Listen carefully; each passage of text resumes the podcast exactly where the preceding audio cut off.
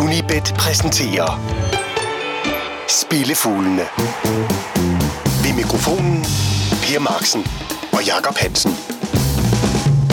Velkommen til Spillefuglene og til en weekend med landsholdsfodbold, suppleret af en håndfuld kampe fra de lavere engelske divisioner. Og jeg skal huske at sige, at vi i dag optager og udkommer på en torsdag. Og det gør vi i øvrigt også i næste uge. I den her uge, der gør vi det, fordi vi har øh, Nations League-kampe på programmet. Vi har også nogle venskabskampe, som vi kunne øh, tage af. Vi gider rent faktisk ikke at snakke ret meget om den venskabskamp, der blev spillet i går. Gør vi, Hansen? Nej. Og dermed øh, er det tema, dermed er det tema ligesom uddebatteret. Ja. Um, men vi kan sige, at problematikken omkring øh, venskabskamp, det spiller en lille smule ind i vores kampvalg, for det vi kunne have valgt som ugens uundgåelige, bliver det ikke, det bliver noget helt andet. Men øh, vi løfter sløret lidt længere frem i udsendelsen. Um, lad os lige hurtigt kigge tilbage på sidste uge. Fordi det er ikke lige frem med ubehersket. Ja, det er ikke med ubehersket stolthed, at vi ser tilbage på den forgangne weekend, eftersom der var fire forbier. Blandt andet blev vi snydt af en sensationel sejr til Werder Bremen i Frankfurt, hvor de jo ellers aldrig vinder. De vinder aldrig. Men det blev jo også for det første gjort lidt svært øh, af en tosse af en Frankfurt-spiller, der skulle uddele håndmadder allerede efter en halv time så skal de spille en halv time i undertal, lige efter at være kommet bagud. Jeg ved ikke, hvad der foregik inde i Jetro Williams' hoved. Nej, det synes jeg lige, han skal sidde og tænke over et par uger. øh, og så alligevel får Frankfurt udlignet og holder stand til det 6. overtidsminut, inden Werder Bremen så kunne hjælpe med score direkte på frispark. Så er det heller ikke nemt. Nej. Nej. Men, øh, men de andre tre, ja, Hold op. Brøndby kunne ikke regne med Skotland. Ja, nej, Brøndby, øh, det var også det. Altså, hvad, hvad, hvad pokker sker der, når Sterling Albion, som ellers ligger ja. som øh, agterlandtagerne, bare tager til Elgin og vinder med 3-0? Ja, godt spørgsmål. Nå, det var, ved du hvad?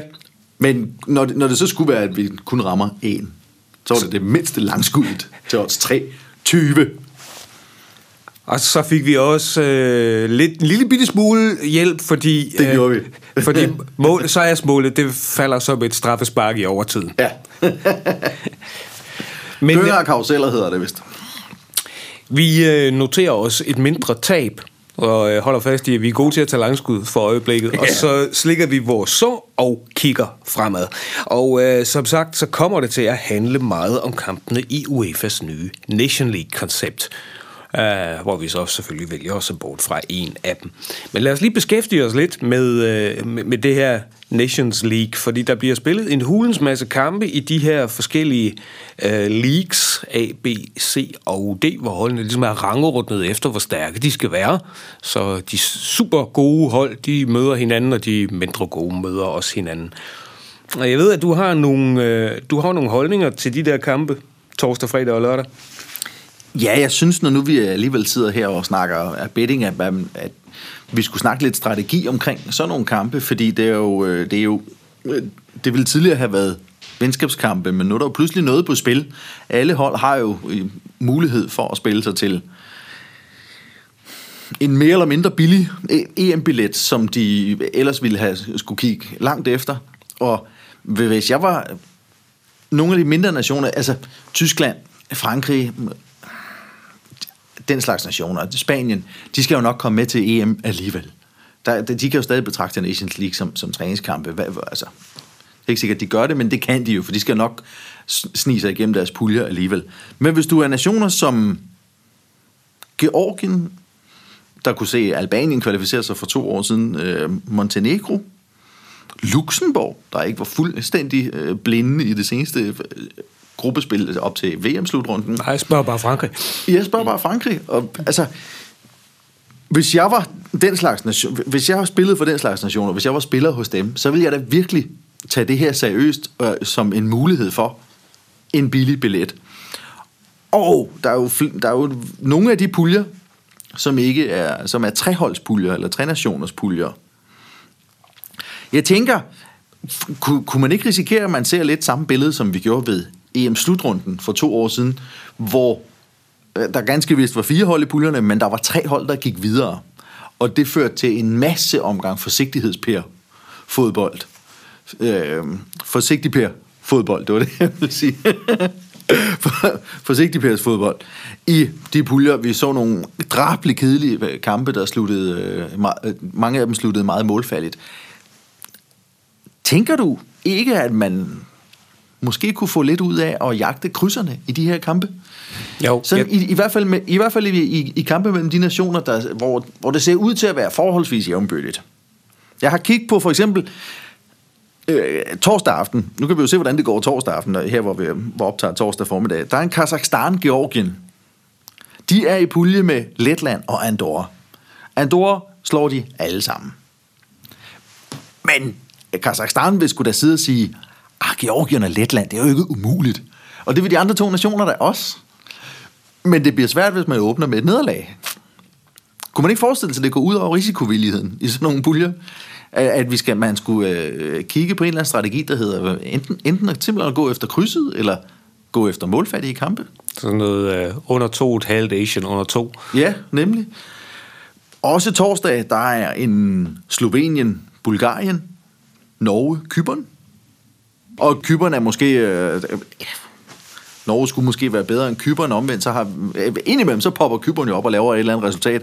Og det sker ofte tidligt i et kvalifikationsspil, hvor de stadig har chancen for at nå det. Det er som regel først, når, det, når vi når nærmer os efteråret i et eller andet gruppespil, hvor de ikke har en skid at spille for, at så er de på badeferie i stedet for at spille fodbold. Øh, så er der øh, Tjekkiet, Ukraine, øh, altså to virker det til forholdsvis jævnbyrde nationer i forvejen, og så er de i pulje med Slovakiet. Alle tre nationer har der, kan, der, kan der med en god grund sidde og sige, det, det kan vi godt ordne det her. Der er også Wales, Irland, som er i pulje med Danmark. Altså. Og nu ser det ud til, at Danmark sender det normale landshold, om man så må sige, til weekendens kamp. Men altså, det er da, det er da dyrt i sådan en treholdspulje at, at åbne med nederlag. Fredag, der er der for eksempel Azerbaijan, Kosovo, Færøerne, Malta, hvor Færøerne er, er efter min mening overraskende stor favorit. Er det helt umuligt, at Malta de kigger på sådan en kamp og tænker, ah, hvis vi kan hive et, hvis vi kan hive et point med hjem fra Færøerne, er det så helt utænkeligt, at vi kan gøre noget her. Albanien, Israel, de er i pulje med Skotland. Der er sgu ikke nogen af de nationer, der kan, der kan tage føretrøjen foran den anden. Alle tre nationer. Rumænien, Montenegro, ligner en tæt kamp. Tyrkiet, Rusland. Det ligner også tæt. Og nu, nu startede du med at sige Azerbaijan mod Kosovo. Ja. Ja. Vi skal jo passe på med, hvad vi kalder det ja, der undskyld. politisk Ja, hvis- betændte område. Uh, ja, hvis jeg har fornærmet nogen, så undskylder jeg straks. Så skal, skal vi lige forklare, at Kosovo, det er den måde, som det albanske flertal, de omtaler øh, republikken på. Kosovo er det serbiske navn, så alene ved, hvilket navn man vælger, så kommer man jo til at bekende politisk kulør, uh. hvis man altså gør det med vilje. Fordi det ene indikerer en selvstændig nation, og det andet indikerer, at man stadigvæk betragter området som serbisk provins. Så, så øh, kom ikke at sige, at der, at der er forskel på, om det er O eller A. Ej, for søren da. øh, lørdag har vi for eksempel en, en Luxembourg og Moldova, og den vender vi jo tilbage til senere. De er i pulje med Hviderusland og San Marino. San Marino kommer de alle sammen til at slå, så det kommer til at være de indbyttes opgør. Finland, Ungarn. Det er der også to nationer, der kan sidde og sige, vi har altså en, en mulighed her. Nordjylland, Bosnien, Bosnien, som så er i en tre-nationers pulje med Østrig. Og så er der nogle af de nationer, som vi har nævnt spiller igen søndag, Georgien, Letland, Makedonien, Armenien, Bulgarien, Norge. Jeg tror, jeg vil, det tror jeg, vi vil prøve at samle op på. Lad os holde øje med, hvordan de her går, og se om øh, for eksempel en krydsstrategi, den kunne, den kunne give pote i et eller andet omfang. En krydsstrategi. Det holder, det holder vi øje med hen over Ja, weekenden, så ja. samler vi op i næste uge, og ser om det rent faktisk gav, gav et eller andet. Ja, eller en... Øh, En, en mål, målfattig, målfattig krydsstrategi, lad os Mål, det. den målfattige krydsstrategi, Ja. den, øh, den, den, er her, den bliver hermed indvidet, men øh, først og fremmest som et, øh, som et lille eksperiment. Vi kommer til at... Vi, vi melder tilbage i næste uge, hvor vi som sagt vender tilbage i æderen igen på torsdag. Nå. Men nu hopper vi ud i øh, den her uges kampe. Ugens uundgåelige kunne have været en kamp, men det bliver en anden, fordi vi vælger simpelthen at øh, tage turen til Wembley, og vi skal op i League A, hvor stormagterne de mødes, og et historisk stormøde, det står for døren her. England møder Spanien. Og det er et Spanienhold med et lidt nyt ansigt, fordi gamle kendte kræfter som Iniesta, Silva, Gerard Piqué, de er fortid på det spanske landshold nu, de har takket af. Og så er Luis Enrique kommet ind som landstræner. Og han må jo også se bort fra Diego Costa til i hvert fald den her kamp. Øh, fru Costa skulle være ved, eller også er nedkommet med parets andet barn. Men det siger sig selv, at han kan jo stadig stille et fantastisk stærkt landshold, fordi de simpelthen bare har fantastisk mange dygtige spillere. Og han kommer med blandt andet fire Chelsea-spillere, så de har masser af folk i truppen, der er godt bekendte med lørdagens modstander. England de kom hjem fra VM med masser af optimisme og god karma og bare god stemning, selv i, øh, selv i den kritiske presse, men de missede altså også en kæmpe chance for at gå i en historisk finale, og så var de totalt baglamme mod Belgien i bronzekampen. Harry Kane, han fik godt nok brudt sin augustforbandelse, men han ser stadig ikke ud, som om han sådan er landet for alvor i, efter den her VM-slutrunde. en anfører Henderson. Det var først i sidste uge mod Leicester, at han var i startopstillingen for Liverpool, og Raheem Sterling har meldt afbud. En Lalana har også meldt afbud. Så der, der er sådan... Øh, ja, er vi, er vi overhovedet i gear igen? Og selvfølgelig skal de være i gear til en kamp mod, mod Spanien.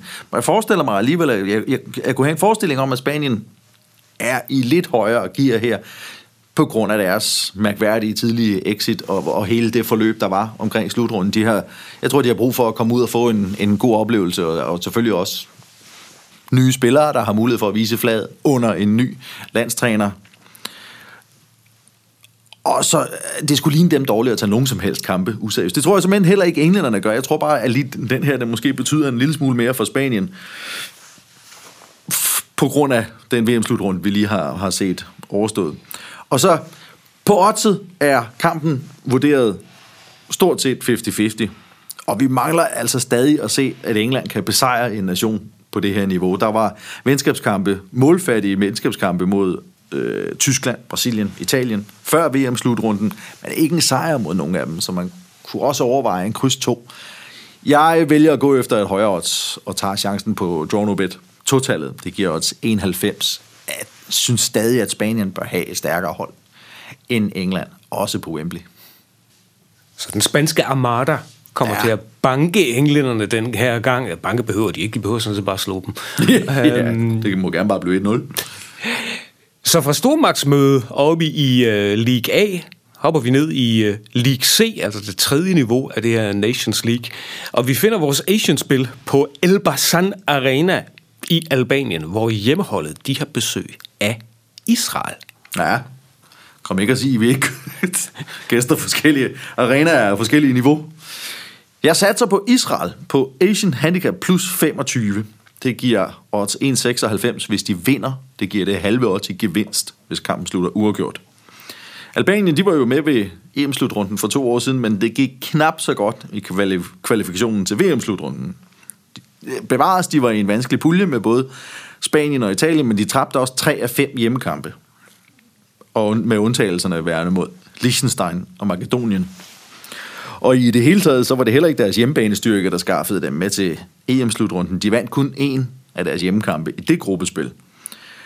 Så den her ikke voldsomt skræmmende hjemmebanehistorik i de seneste betydende kampe, det synes jeg er en af grundene til at tage chancen på Israel her. En anden er, at Israel, ligesom Albanien, til synligheden er et stærkere ude end hjemmehold. I deres seneste 11 hjemmekampe har de slået Liechtenstein og Andorra. Det gør de fleste altså. Det er ikke specielt skræmmende. Til gengæld, til gengæld har de seks sejre i deres seneste 13 udkampe. Og blandt andet i førnævnte VM-kvalifikation mod Albanien, hvor de vandt 3-0. Deres resultater indikerer, at, det, at, at begge parter har det bedst med kampe, hvor det ikke er dem, der skal skabe spillet. Og derfor synes jeg, at der er kommet en overraskende vægt på Albaniens side, og jeg prøver at gå den modsatte vej. Så vi ligger i samme oddsniveau som i øh, den uundgåelige, altså 1,96 Nation plus 0,25 på israelerne. Ja. Vi forlader lige Nations League for en stund og tager ud på en engelsk rundtur. Spillefuglene fra Unibet. Jakob Hansen og Per Marksen. Og den rundtur, den indleder vi i Gillingham, hvor øh, hjemmeholdet, og vi skal lige sige, at vi er i League One, altså den tredje bedste engelske række.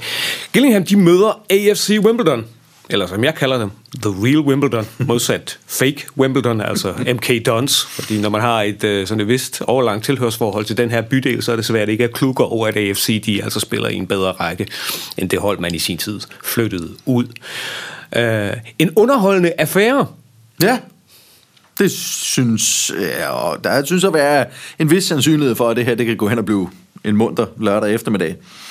Øh, Gillingham, deres første seks ligakampe har leveret et gennemsnit på 3,17 mål per kamp. Det er ikke kedeligt. De har selv scoret 9. Defensiven har lukket 10 ind. Så det, det er begge ender, det pifter ind. Siden 11. august har det heddet 3-1, 1-2, 1-4, 1-1 og 1-2. Dem, du kalder The Real Wimbledon, de kan ikke helt være med på det målgennemsnit endnu, men det skyldes primært en meget målfattig start på sæsonen. Der seneste fem gang, øh, kampe, der har der virkelig været gang i netmaskerne. Der har de spillet 1-3, 1-2, 1-3, 0-3 og 2-2. Det er 13 indkasserede mål på fem kampe. og så var de selv på tavlen i fire af dem, mens Gillingham altså har indkasseret ni mål i deres seneste fire kampe. Det er gavmilde defensiver, der står over for hinanden her. Og så kan man i øvrigt overveje cifretips, hvis man er så fræk, Per. Da AFC Wimbledon var på besøg her i sidste sæson, sluttede det 2-2. Sæsonen før, 2-2. Forrige gang, de var på besøg, 2-2. og så kommer lige en, der bryder stimen. Gangen før igen, 4-3.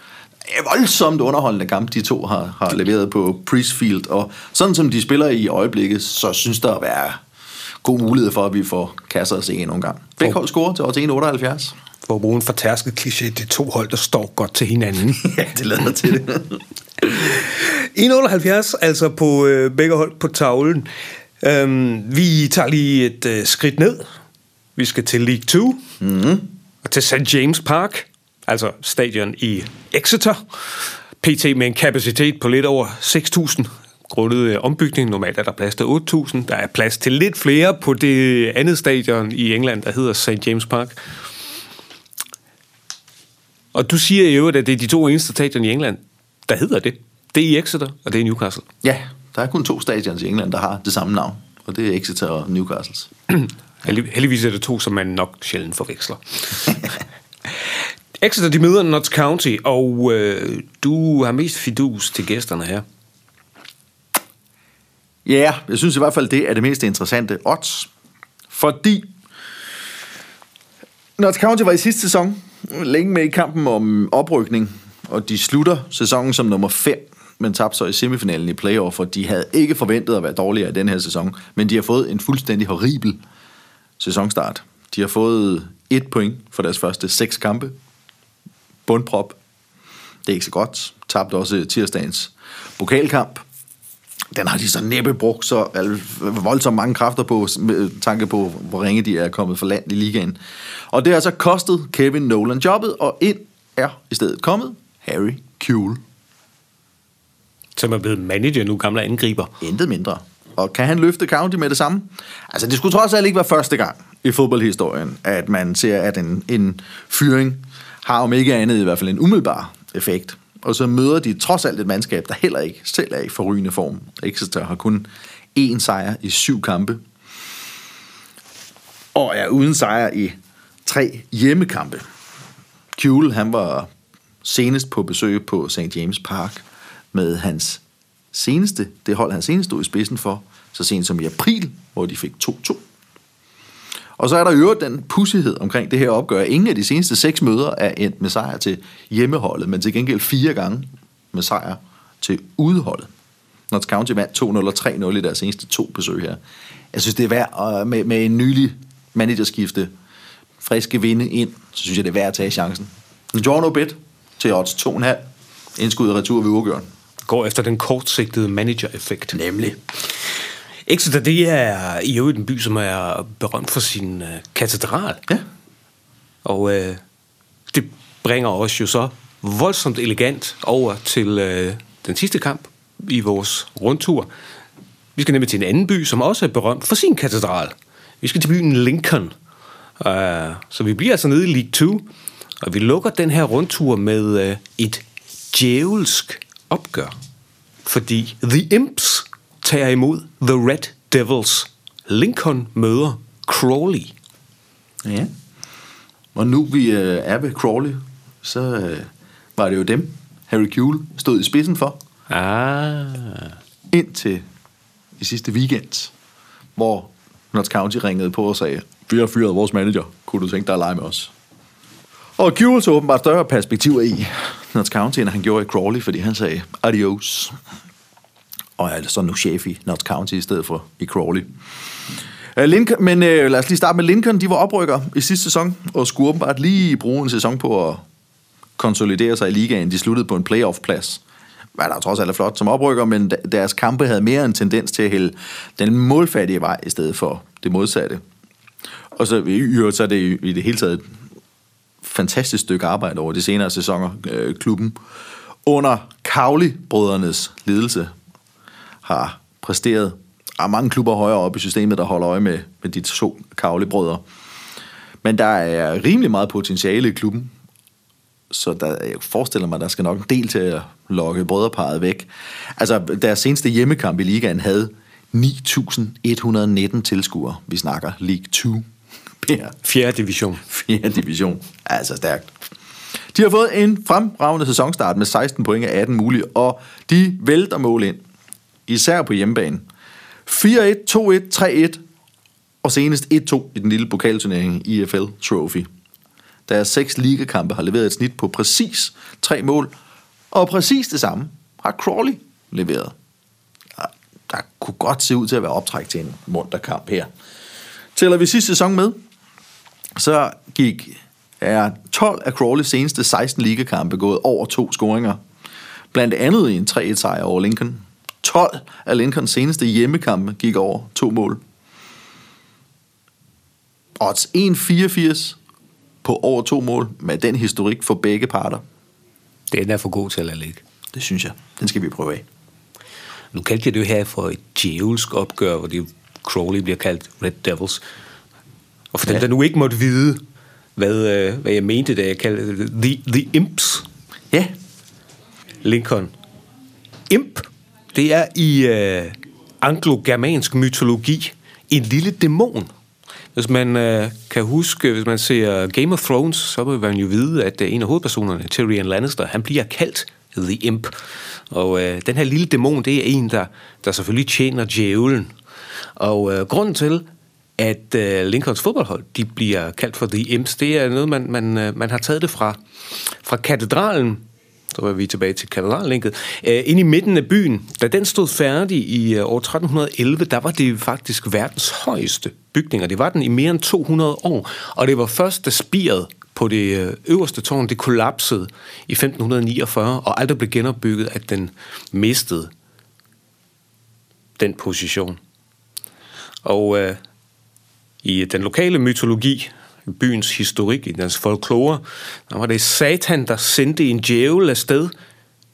Men da den lille imp mødte Gud i form af katedralen, så blev den forvandlet til en engel, og nu er den så forevet inde i kirkens mure. Så man kan, hvis man kommer til Lincoln, kan man øh, sikkert spotte de der små imps, der sidder rundt omkring som øh, stenfigurer på katedralen. Og det er derfra, at fodboldklubben har fået sit kælenavn. Og med den folklorehistorie historie, så øh, springer vi til programmets sidste punkt. Vi skal ud og tage et langskud. Spillefuglene fra Unibet. Og lad os så få langskuddet. Og det langskud, vi vender tilbage til Nations League, og vi hopper mildt sagt ned i rækkerne. Vi har været gode til det med langskud i sæsonstarten, så nu tager vi altså chancen fra endnu større afstand. Oddset, det er famøse 6,75, men ifølge Hansen så afspejler det ikke den reelle sandsynlighed, når Luxembourg møder Moldova. kom ikke at sige, at vi ikke kommer vidt omkring. Men nu hugger vi til den fra, fra egen banehalvdel. Vi spiller under 0,5 mål, altså ingen kasser, til odds 6,75. Og øh, nu var vi jo inde på det i indledningen. De er i gruppe med Hviderusland og San Marino. San Marino kommer alle til at slå i den her gruppe, fordi alle slår San Marino. Og man må vel anse Hvide Rusland for værende favorit, men Luxembourg, de er altså et par tilpas anstændige resultater i uh, VM-kvalifikationen, til at de om ikke andet kan drømme om undervejs at kunne drille hviderusserne, og så længe der stadig er ren tavle, så tænker Moldova vel også, at det er da vel ikke umuligt, at vi måske kan snige et eller andet med hjem her. Men hverken Luxembourg eller Moldova scorer meget, og specielt ikke Moldova, der har lavet et mål i otte kampe. Trods alt går det lidt bedre for Luxembourg, der har lavet 6 i 10 kampe. Men kun én gang har de scoret mere end et mål ad gangen. Så er man ikke helt så modig, så kunne man vælge det, der hedder under halvandet scoring. Vi går blanken ud, fordi Moldova i to af deres seneste fire udkampe præsterede at holde Azerbaijan og Armenien til 0-0. Begge kampe på udbanen. Luxembourg kan ikke anses for at være markant bedre end hverken Azerbaijan eller Armenien. Og de her to var i samme gruppespil forud for VM-slutrunden i 2010. Begge kampe 0-0. Så mødtes de i en venskabskamp i 2015 med Luxembourg som hjemmehold. Kan du gætte resultatet? Og ja, det bliver et skud. Det bliver målløst. 0-0. Altså tre, tre seneste møder, 0-0. Det er en rigtig billetsælger, vi har gang i her. Ja. Og så skal vi lige spidse ører, fordi, jamen hvorfor spiller vi så det der, og ikke ciffertips? Det er fordi ciffertips 0-0, det giver odds 6,40. Men spiller du under 0,5 mål, får du 6,75. Altså en forskel på 0,35. Det tager man med. Det tager vi helt afgjort. Derfor vælger vi den variant, og ikke bare ciffertips 0-0. 6,75 per. Værsgo at spise. Luxembourg mod Moldova ugens langskud, hvor vi virkelig har oppet den. Uh, vi, vi, skruer, vi skruer forventningerne til en festrig, til en festlig kamp uh, betragteligt ned. Og... U- Det er, det er ude for betragtning, at, vi, at hvis langskud er det eneste, vi rammer, så er vi nødt til at have det over. Ikke på, på, overskud. Vi aktiverer en alert på, uh, inde på, på en livescore-app, og så håber på, at den ikke siger noget som helst på den her ene kamp. Ikke? Præcis. Under 0,5 øh, øh, under 0,5 mål øh, Luxembourg mod Moldova 6,75 og de øvrige af slagsen, hvis vi lige hurtigt løber dem igennem. Vi er i League 2 i England, Lincoln mod Crawley over 2,5 mål spiller vi her. Exeter mod Notts County samme sted, et øh, total som draw no bet. En liga op, Gillingham mod AFC Wimbledon, så skal vi have begge hold til at score. Og vi lukker med øh, de to sidste kampe fra Nations League i øh, den her sæson. Slutter i den her runde, naturligvis. Asian-spillet, det finder vi på Elbasan Arena i Albanien. Hjemmeholdet Albanien møder Israel, og vi spiller Asian plus 0,25 på israelerne. Endelig ugens uundgåelige stormagtsmøde på Wembley. England mod Spanien. Her er vi mest fidus til spanierne. Og vi spiller dem som et øh, total, som draw no bet. Husk, at du øh, som altid kan finde alle Jacob Hansens spilforslag inde på Facebook og på sportsmagasinet under unibet.dk. Du kan jo også, hvis du er på de sociale medier, støde ind i ham på Instagram og på Tumblr og alle de andre steder. De levende billeder, dem finder du som altid på YouTube-kanalen for Unibet Danmark, hvor det er Anders Sigdal, der er vært.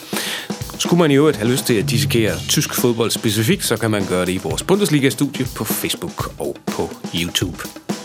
Lars Juhl producerede denne udgave af Spillefuglene, og vi vender tilbage på torsdag i næste uge. Tak fordi du lyttede med i denne omgang. Spillefuglene fra Unibet.